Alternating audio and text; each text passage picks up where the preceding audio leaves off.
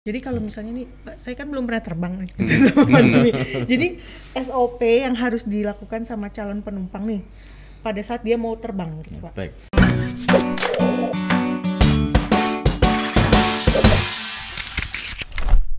Kita ceritakan sebelum masuk ya. Yang Iya. jelas dia sudah beli tiket dulu kan. Iya, pasti, kan Pak. Yang pertama, kemudian Jangan beli belum beli tiket udah masuk bandara aja. setelah punya tiket, yang jelas dia juga punya rapid test. Itu kan syarat syarat untuk terbangan itu. Nah, setelah masuk kemudian kan divalidasi oleh nah, beliau Dari KKP, KKP. KKP kan validasi. Kalau dia eh, non reaktif ya lanjut kan gitu kan. Divalidasi di stempel terus langsung menuju ke pemeriksaan barang. Itu di SCP 1 pemeriksaan barang. Setelah pemeriksaan barang langsung check in Nah, check in di situ juga kita atur antrian juga. Di situ ada antriannya check in, jangan sampai berkerumun. Ya, yang jelas kita tiap tiga menit sekali minimal itu harus ada ber- apa im- imbauan Informasi. untuk untuk jaga jarak. Hmm. Protokol kesehatan kita terapkan di situ. Terus kita juga petugas-petugas kita juga eh, keliling jelas gitu. Ketika ada yang eh, tidak menjaga jarak kita imbau untuk menjaga jarak seperti itu sih. Itu setelah itu check in ya udah langsung bisa terbang kan gitu kan menuju SCP 2 setelah check in sudah SCP 2 pemeriksaan yang kedua yang di atas.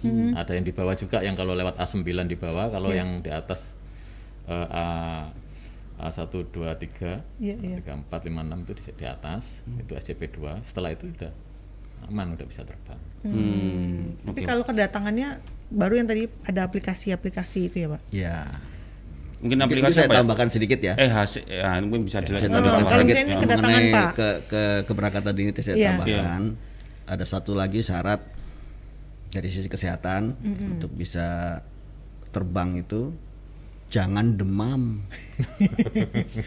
ya, kalau sudah punya rapid hasil rapid test walaupun non reaktif ketika kita periksa validasi kan kita periksa suhu juga. Oh. Kalau demam nggak bakal kita kasih lanjut masuk ke dalam. Wih, tuh, tuh kan. Iya, iya, iya. Iya, iya. Ya ini mohon pengertiannya pada masyarakat Iya, iya, iya. bahwa ini bukan kita mengizinkan mengizinkan atau tidak mengizinkan masyarakat itu untuk bepergian. Tapi ini demi demi kemaslahatan kita semua gitu ya. Walaupun demamnya mungkin bukan Covid gitu ya, tapi demam adalah salah satu tanda utama dari penderita ah, COVID. Gitu. Jadi itu tadi syarat utamanya justru malah sebenarnya bukan rapidnya tapi jangan demam. Iya, iya. Nah, gimana Pak? Bes- besok pagi mau terbang atau malam ini masih packing sampai jam 2 malam. Gak tidur, Masuk angin, Pak. kurang tidur. Ya soalnya kan benar ini eh, banyak teman-teman tribuners Pak, masyarakat kita yakin kan ini kan kemungkinan penumpang juga akan pasti akan nambah. Artinya Iya. juga banyak yang mungkin lama hampir setahun nggak terbang karena libur Natal tahun baru mau pulang kampung. Kayak hari ini aja teman-teman kita tadi tidak ada yang harus terbang besok pagi. Eh, eh besok pagi ya. Baru setelah berapa tahun nggak terbang kan pasti banyak, banyak, Banyak yang yang mau pulang. Ah, ah. Ini libur panjang. nggak tahu. Pokoknya Iya. buat tribuners kalau nanti mau li- liburan ya Pak ya, liburan, ya jangan lupa 3M-nya. Nah, betul. memakai masker, menjaga jarak dan mencuci tangan. Kalau di bandara banyak kan Pak spot Ada. cuci tangan. Nah, Iya, Ya, iya. hand sanitizer udah kita siapkan di beberapa titik, hampir semua titik. Tiap tiap masuk ke Garbarata juga ada hand sanitizer. Oke, nah kayak tenan-tenan Pak kayak tempat makan ini juga buka kan Pak ya? Ada sebagian Penerapannya, yang buka. Heeh. Penerapannya tetap harus ada hand sanitizer di situ. Ada ya? Ada. Oke. Juga oke, dijaga ketat sama pihak bandara ya Pak. Siap kita pantau, biasanya monitoring, Ada dikeliling kan gitu. Dikeliling Pak ya. Iya. Nah, ini penting nih buat masyarakat Batam. Kapri kalau mau ke Hang Nadim dipastiin Hang Nadim siap lah soal protokol kesehatan ya. Oke oke oke. Iya. Kalau nggak pakai masker nggak boleh masuk kan Pak? Nggak boleh. Nah, Iya. itu dia tuh. Nggak boleh, Om di kita aja di kantor kita nggak pakai masker SP1 Pak. Iya, mungkin sekalian Pak Bambang barangkali ada yang ketahuan melanggar protokol kesehatan, ada di sana ada ada punishment mungkin suruh push up atau bersih bersih Oh, bandara gitu nggak ada Pak. Misalnya melanggar kadang, kadang masker diginikan, gitu Ah. kan kita infokan minta tolong maskernya Pak, minta Oh. tolong maskernya Bu. Kan Kok gitu baik aja. banget Pak, nggak kurang galak itu Pak. Enggak. Ya. Kalau masih daplek ya baru. Suruh parkirin pesawat ya. Nah itu mungkin tadi yang nih, saya masih penasaran ya kalau misalnya dia datang kan suka ada suruh ngisi apa EHAC. EHAC. gitu. Ya. Itu mungkin Pak prosedur kalau kita datang nih. Ya. Mm-mm. Termasuk harus install dulu. Harus Eh, iya loh. benar, benar, Tadi aku ingetin ada yang mau pulang tuh mau ke Medan kan. Eh install ini dulu loh. Iya, benar, oh iya pak itu baru tahu. Itu wajib ya, Pak? Wajib. Mungkin bantu jelasin nah, pak. bantu nih. jelasin Ya. dulu, Pak. Jadi EHAC itu adalah pengembangan dari HAC. HAC itu adalah singkatan dari Health Alert Card. Kartu kewaspadaan gitu ya. Nah, sekarang kartunya itu dibentuk dalam dalam bentuk elektronik. Jadi namanya Electronic Health Alert Card. Gitu. Jadi Aplikasi pak itu ya. Ya, aplikasi itu untuk penerbangan itu wajib memakai EHAC gitu ya. Kecuali kecuali untuk eh, para pelaku perjalanan yang mungkin HP-nya jadul Mm-mm. atau mungkin orang tua, Orang tua yang nggak tidak tahu punya aplikasi. HP, nah, itu masih tetap bisa kita bantu dengan health alert card yang manual. Oh. Oh. Ya, kalau terkenalnya namanya kartu kuning, walaupun bukan kartu itu kertas. Gitu. Iya. Ngisi ngisi form itu pak ya. Betul Ngisi ngisi form. form. Nah, kaitannya situ pentingnya mengisi form itu, itu memuat data pribadi yang bersangkutan sebagai pelaku perjalanan, termasuk alamatnya, alamat di tempat tujuan. Nah, kepentingannya apa harus mengisi itu? Karena kita sedang dalam masa pandemi. Gitu. Ke fungsi dari EHAC ini adalah sebagai kartu kontrol untuk surveillance pendataan apabila si pelaku perjalanan ini didapatkan positif COVID setelah tiba di tempat tujuan itu kan harus di tracing. Nah, datanya yang bersangkutan ada di EHC ini. Itu memudahkan petugas kesehatan untuk melakukan tracing. Gitu. Terus kemudian setelah adanya EHC ini dikembangkan lagi untuk eh, manfaat-manfaat yang lain, termasuk nanti persiapan untuk kita melaksanakan program vaksinasi untuk COVID Mm-mm. itu juga sudah dimasukkan di situ di EHC untuk pemantauan pelaksanaan eh, vaksinasinya gitu Iya Berarti iya. harus Jadi dan- download aplikasinya iya iya. pada saat mau terbang ya, Pak. pada saat mau terbang dan nggak usah khawatir para apa Tribuners. tribuners, Tribuners. Ah, para sejawat tribuners kalau nanti masih bingung-bingung bagaimana caranya kita siapkan oleh bubu udah difasilitasi ada tempat untuk mau nanya konsultasi tentang EHC kita ada petugasnya untuk me- membantu. Membantu untuk me- mengisikan bagaimana cara mendownloadnya kalau misalnya ada yang belum tahu. Kemudian cara pengisiannya itu ada petugas kita yang siap membantu. Berarti ini bukan wajib hanya untuk yang mau berpergian atau yang datang dari luar negeri. Maksudnya domestik pun juga. iya Iya. iya. Kalau dulu memang pada saat awal pandemi di bulan Februari Maret ya Maret April itu memang eh, diutamakan untuk yang luar negeri. Dari luar negeri, ya, iya, iya. yang dari luar negeri masuk Indonesia. Gitu. tapi sekarang setelah pandemi ini meluas hampir di seluruh wilayah wilayah Indonesia diberlakukan secara nasional juga. Gitu. Ya. Oke, Eh, Pak Bambang, eh, apa di Bubuang Nadim itu kan terkait dengan pandemi kan sudah ada satgas ya Pak? Atau apa? Satgas ya Pak ya? Ada ya, ada Satgas Covid ya. ada. Satgas Covid ya. Iya, iya. Terus mungkin eh, jelang libur Natal tahun baru ini ada yang update terkait satgas atau ada posko juga Pak di ini Baik. jelang Natal tahun baru ini di Bubuang Nadim? Eh, sudah rutin ya bahwasanya ketika ada Natal tahun baru Idul Fitri itu itu kita selalu eh, mendirikan posko. Oke.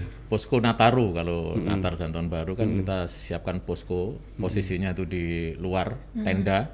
Jadi ada tendanya di situ di situ ada posko. Di situ nanti ada petugas-petugasnya ya. Jadi tidak hanya eh, dari ada dari kepolisian dari TNI Polri dari KKP dari BFKG juga ada di situ. Di, Oh, di oke. situ ada informasi terkait dengan kalau ada yang bertanya atau apa bisa saja di situ di posko Hmm, oke. di, di luar kita siapkan posko terkait ada yang bertanya terkait dengan apa namanya eh, cuaca karena ada di situ ada BMKG juga ada di situ itu posko bersama, posko gabungan itu namanya Posko gitu. gabungan. Posko gabungan selalu ada. Kemudian di dalam kita juga sediakan posko, posko di dalam ini untuk laporan-laporan ke eh, kita kan ada kewajiban lapor berapa penumpang berapa ini itu kan per berapa jam itu harus dilaporkan. Jadi kita standby di situ. Ketika ada yang di dalam ada pertanyaan kita kita siap untuk ini melayaninya. Oke. Seperti itu. Nah, teman-teman di Satgas pastikan di situ kan timnya kan istilahnya orang yang termasuk KKP itu kan orang terdepan ah, garda terdepan ya Pak ya. Iya. Ya, terus ke apa?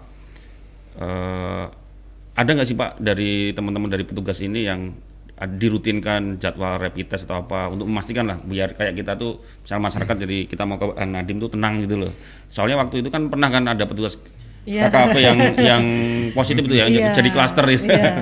Jangan sampai nanti petugasnya di situ apa eh, ada yang positif nah, malah Iya, nanti penumpangnya ini gimana Pak Eh, tahun ini? Untuk saat ini sih eh, ketika ada eh, pegawai pegawai yang kelihatan nggak apa merasakan kan mendingan nggak usah masuk. Sudah di- udah WFH saja udah di rumah saja sampai sembuh gitu aja. Ketika misalnya ada nggak enak badan atau apa tinggal izin saja kita kita ACC kita izinkan. Seperti itu aja sih. Jadi kalau terkait rapid itu kalau udah kalau nggak ada keluhan ini sama sekali nggak nggak nggak, nggak rapid. Seperti itu sih Udah, udah dipastiin sehat pokoknya tadi kata Pak Wan meriang dikit agak nah ini udah nggak usah ngantor. apalagi demam jangan berangkat ya iya iya iya aduh. Soalnya de- sering demam ya. Kurang makan demam. Nggak sarapan demam.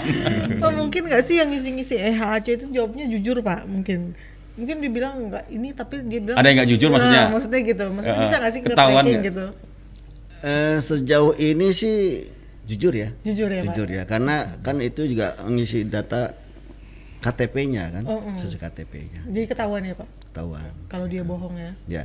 Yang yang yang jadi kesulitan itu sebenarnya bukan di bandara, gitu ya. bukan bukan untuk penumpang pesawat, tapi penumpang kapal yang dari luar negeri. Saudara-saudara kita pekerja migran atau apa yang yang tinggal atau bekerja di Singapura, Malaysia, itu kan HP HP-nya bukan HP anu ya. Apa namanya? Android atau Ah, bukan HP Indonesia lah anunya kartunya itu ya. Oh. SIM cardnya. Ah, itu Makanya ngisinya pakai form itu ya Pak. ya? Iya betul. Dan rata-rata juga ada yang KTP-nya enggak ada sudah. Tapi pasportnya yang kita pakai. oh Gitu. iya iya, iya. Jadi enggak mungkin anu lah. Ya ada sih, terutama yang ngisi nomor HP itu biasanya hmm, ada yang yang nggak betul lah. Oh, Tapi kita bisa dapat anu lagi data lainnya dari paspor atau KTP-nya. iya masukin nama udah ketahuan oh dari Ya. paspor ya. Dan itu Ya. sudah sudah terbukti. Mm-mm. Alhamdulillah bukan di penumpang pesawat ya, tapi penumpang kapal saat itu terdeteksi positif COVID, tapi orangnya sudah berangkat sudah ah, sudah keluar dari Batam lah. Hmm. Nah, berkat EHAC-nya itu Bisa kita bisa dicari. telusuri, Eh. Kita telusuri alamatnya. Oh ternyata di satu daerah lah gitu ya di Hmm. provinsi lain. Udah nyebrang lagi. Kita langsung konek apa notifikasi kepada KKP setempat dan dinas kesehatan setempat. Langsung dilacak ketemu. Gitu. Iya iya. Jadi manfaatnya se- setelah ketemu langsung yang bersangkutan ditangani dengan baik. Iya iya Gitu supaya tidak jadi sumber penularan di sana dan juga dianya diobati kan. iya iya Dianya tuh nggak tahu kalau dia Positif. ternyata positif gitu. Iya iya. Ya sebenarnya jadi buat masyarakat ya Ya. yang apa eh, melakukan perjalanan mestinya enggak ya harusnya jujur aja kan. jujur Betul. Kan untuk untuk tujuannya untuk untuk kebaikan kan. iya. kebaikan bersama Iya, iya, iya. mungkin kita mau ini dulu Hah? jawab pertanyaan Oh, oke oke. Udah ada pertanyaan, ada yang nanya banyak. Sudah. Wih, Tuh. ternyata ada yang Ya, nanya. Tribuners jangan lupa pokoknya 3M. Oh. Memakai masker, mencuci tangan dan menjaga jarak. Ya, kalau enggak nanti enggak boleh masuk sama Pak Farhan nanti, masuk nggak bandara. bisa. Enggak boleh terbang. nanti. Alin Chandra. Pak kalau misalnya nih ada penumpang yang ketahuan positif COVID, terus ketahuannya setelah turun dari pesawat, apakah orang-orang yang berada di satu pesawat yang sama sebelumnya dengan bersangkutan akan dihubungi pihak kesehatan untuk di swab? Gitu Pak. Maaf Pak, Kitanya Parno. Alin Chandra. Iya, ini ini ya betul lah, begitulah anunya eh, protokolnya gitu. Dan ini sudah kejadian juga Udah di kejadian Batam juga. ya Pak ya, dulu ya pernah gitu ada penumpang dari Jakarta, Jakarta. masuk di Batam, ternyata di Batam dia positif gitu. Nah itu semua penumpang yang satu pesawat dengan yang bersangkutan termasuk saya waktu itu itu diperiksa. Nanti kita hubungi kita hubungi kondisi kesehatannya bagaimana alamat kita di mana itu petugas kita. Bersa dibantu oleh maskapai yang bersangkutan untuk menelusuri sampai dapat orangnya kemudian kita kita monitor kita kontrol kesehatannya. Kalau dia tidak ada di Batam saat itu ya dinas kesehatan di tempat dia berada kita hubungi untuk di- melakukan pemeriksaan lebih lanjut terhadap yang bersangkutan Hmm. gitu Jadi tenang Ya, Chandra ya. Enggak yang enggak tenang itu tiba-tiba tuh ada yang jemput itu kan itu. Iya iya Ada apa Pak? Iya mbaknya kan yang kemarin ikut pesawat itu kan. Iya. Nah biasanya kita hubungi dengan apa? By phone. Oh, nah itulah by phone pentingnya mohon Nah, betul. para tribuners Heeh. jujurlah kasih data Iya, nomor iya, HP Mm-mm. Atau nomor telepon yang yang betul. Iya, iya, gitu. benar-benar. Karena manfaatnya juga untuk kita semua Iya. bersama. Fungsinya kayak gitu tadi kalau misalnya Iya. terjadi apa-apa dia bisa gampang dihubungin Betul. ya. Mm-mm, betul betul betul betul. Ya. Oke, ada lagi. Dihubungi itu bukan untuk dikarantina loh, untuk kita monitor malah Iya. kesehatannya. Oke, lagi Tion Tanjuang. Apa masih perlu rapid Pak Ian untuk naik pesawat? ah, di, masih. Iya. Coba di, tadi Pak, Iya, diulang iya. lagi Pak. Iya. Iya. Jadi untuk para tribuner mohon pengertiannya bahwa kita ini masih dalam masa pandemi. Nah, salah satu metode yang paling mudah dan mampu kita laksanakan saat ini untuk memonitor melakukan peng- pengawasan dan screening adalah melalui pemeriksaan rapid, Rapid. test. Jadi ya kita masih perlu untuk Rapid. melakukan rapid test. Apakah itu rapid test antibody atau rapid test antigen? Atau paling baik malah dengan periksa swab PCR sekaligus malah. Itu jadi sebelum kita berangkat kita sudah tahu kita ini positif atau negatif, Negatif. COVID. Ya mungkin karena kalau ngomong swab itu kan kadang eh, teman-teman kan masyarakat berhitung soal biaya kan. Betul, ya. Kalau kadang ini aku swab tapi yang lain nggak swab nanti sama-sama juga ketularan rapid test Tapi sebenarnya kalau rapid testnya mandiri bisa kan? Maksudnya nggak harus sampai bandara baru di rapid. Sebelumnya boleh kan Pak? Maksudnya sebelum satu hari sebelumnya. atau Oh ya justru yang kita himbau adalah sebelum ke bandara, Sudah malah kalau bisa sebelum beli tiket Sudah itu rapid sudah periksa rapid. Jadi sudah pasti tahu bahwa kita tuh non reaktif, nah barulah kita beli tiket. Iya benar. Iya, iya. Begitu. Pak terkait dengan rapid test kalau kalau eh, di terminal 3 itu kan yang terkait apa angkasa pura 2 kemarin inf- infokan untuk apa eh swab tes PCR itu dan rapid test antigen itu kan ada di terminal 3 tuh Pak. Kalau nggak salah harganya harganya 800 itu 24 jam. Kalau harganya satu juta berapa itu 6 jam. Eh iya, enggak, enggak 15 menit. Oh, 15 menit. Itu ada di ada di eh, terminal 3 tuh, ada di bandara. Apakah di Hang Nadim ada, Pak, yang yang seperti itu? Misalnya mau PCR dan rapid test di Hang Nadim. Eh di ya di bandara, ada, Pak. Kalau di Bandara Hang Nadim ada sekarang, Mm-mm. ya Pak. Ya. Tapi itu difasilitasi oleh pihak maskapai. Oh, di mas maskapai. Termasuk yang PCR juga, Pak. Kalau PCR enggak, belum Oh, PCR ba- baru rapid test aja rapid kan? ya. Eh, PCR enggak ya, belum ada ya. Lion Air kan Lion Air Group lain Oh, tapi apakah di Hang Nadim ada rencana untuk ada apa? eh untuk bisa PCR di situ, Pak? saat ini belum belum Belum ya? belum ada Oh. Saya kira kalau untuk PCR agak sulit karena eh, fasilitas laboratoriumnya khusus ya. Jadi a- apa namanya a- ada standar untuk PCR itu namanya BSL2 untuk laboratoriumnya. Jadi harus benar-benar khusus. Gitu. Kalau untuk di bandara hmm, sangat mahal untuk membangun fasilitas lab standar BSL2. Hmm. Paling mungkin adalah mobile. Ya barangkali ada yang ada vendor yang bisa diajak kerjasama oleh Bubu Nah, mungkin untuk dibawa ke sana agar Ya. masyarakat tidak. Udah sekaliannya di sana Ya. nunggu sambil nunggu 15 menit atau 30 menit dapat sekalian rapid apa uh, swab di sana gitu di bandara itu. Belum ada rencana itu Pak ya dari belum saat ini Nadim belum ya? ada belum ada Hmm. Oke, lanjut. Ada lagi M Ali. Selama pandemi pandemi saya belum berani terbang. Pak gimana ya supaya tetap safety pada saat ingin liburan menggunakan pesawat? Saya takut di dalam pesawat atau waktu di bandaranya tuh Pak. ini, ini.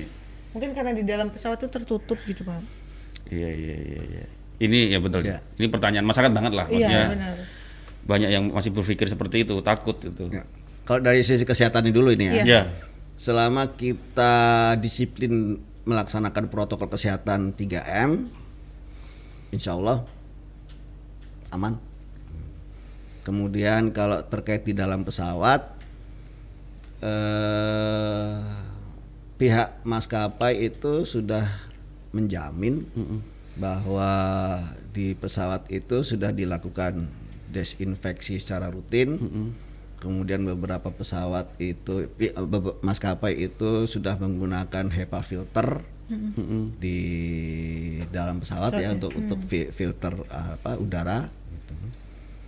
Nah, selama kita tetap memakai masker di dalam pesawat, tidak buka-buka, kemudian tidak ngobrol so akrab dengan Sebelahnya. sebelahnya Ngajak gitu. kalau kita tidak kenal gitu ya. Iya, sok sok kenal. Iya. Sementara memang selama masa pandemi ini kita harus jadi orang sombong dulu gitu ya. Jangan sok akrab dengan gitu. betul betul. Itu insya Allah aman. Dan yang penting itu tadi saat kita mau berangkat kita sudah pastikan bahwa kita eh, rapidnya non reaktif atau PCR-nya negatif. Hmm, Gitu. Oke. Mungkin masih hubungannya dengan ini. Kalau dari pihak pengelola bandara, Pak, apalagi ini kan dipastikan akan ada lonjakan. Berarti apa saja yang dilakukan oleh pihak bandara untuk mengantisipasi lonjakan, tapi dari sisi pembatasan apa protokol kesehatan eh, dijalankan dengan baik di situ, Pak. Apalagi yang dilakukan Kang Nadiem, Pak. Eh, yang kita lakukan eh, yang jelas tetap itu tadi, tetap eh, selalu mengingatkan, selalu mengingatkan kepada seluruh pengguna jasa bandara untuk jaga jarak. Soalnya memang tempat berkumpul kan di situ, Pak. Itu apalagi ada posisi kan ada peak season ya, ada yang apa jam-jam tertentu yang memang Iya. bebarengan ini pesawat Iya. ini bebarengan, terutama eh, penerbangan jam 7 sampai jam 9 itu padat sekali. Nah, itu kemarin sudah kita antisipasi, kita buka dua pintu. Jadi kita buka dua pintu, kemudian kita tambah mejanya, petugas KKP juga menambah personilnya, jadi antrian-antrian tersebut bisa terurai gitu loh. Itu itu yang kita lakukan selama untuk mengantisipasi lonjakan penumpang ini. Jadi petugas KKP-nya ditambah, Iya. ya Pak ya. Terus tadi apa? Pintunya jadi dibuka juga. Ah, jadi dua. Dua, jadi kanan kiri bisa masuk. Oh. Iya, di sana iya, bisa iya. masuk. Dari Iya, terus kemarin saya juga lihat kayak misalnya di kursi kursinya itu juga ditambah, Pak. Kan kayak misalkan kursi yang selama ini kan pun kan berjarak. Penumpang juga kemungkinan juga akan nambah. Itu kan takutnya bisa Iya. nggak nampung gimana, Pak? Nambah ditambah kursi di bandara yang nanti. Eh, kursi yang di mana di, di yang di ruang tunggu, tunggu. ah, ruang tunggu. Kalau kursi di ruang tunggu tidak, tidak. Itu seperti, seperti itu sih. Jadi itu mungkin tadi kita mengaturnya terkait dengan boarding ya. Boardingnya nanti kita jadwal eh, secara inilah biar jangan sampai eh, penumpang itu berkumpul full di situ. gitu. Iya, ya, Tetap takutnya kan di situ. Iya, iya, iya, iya. iya. Tetap tetap kita kita pantau Oh. seperti itu kita pantau. Oh, boardingnya di diatur ya, Pak ya. Soalnya belum nanti kalau ada yang delay, nah itu loh kadang kadang delay kan akhirnya numpuk, Pak. Itu loh. Karena tempat duduknya ini Iya, apa, itu yang jadi- berjarak-jarak Nah, kan. Masyarakat takutnya di ah. situ nanti. Siap. Iya, iya, iya. Oke, Oke, Tribuners. terima kasih banyak Pak Bambang, Pak Farhan ya biasa. sudah sharing dan ngobrol dengan teman-teman Tribuners ya. Semoga bermanfaat, kayak pasti bermanfaat.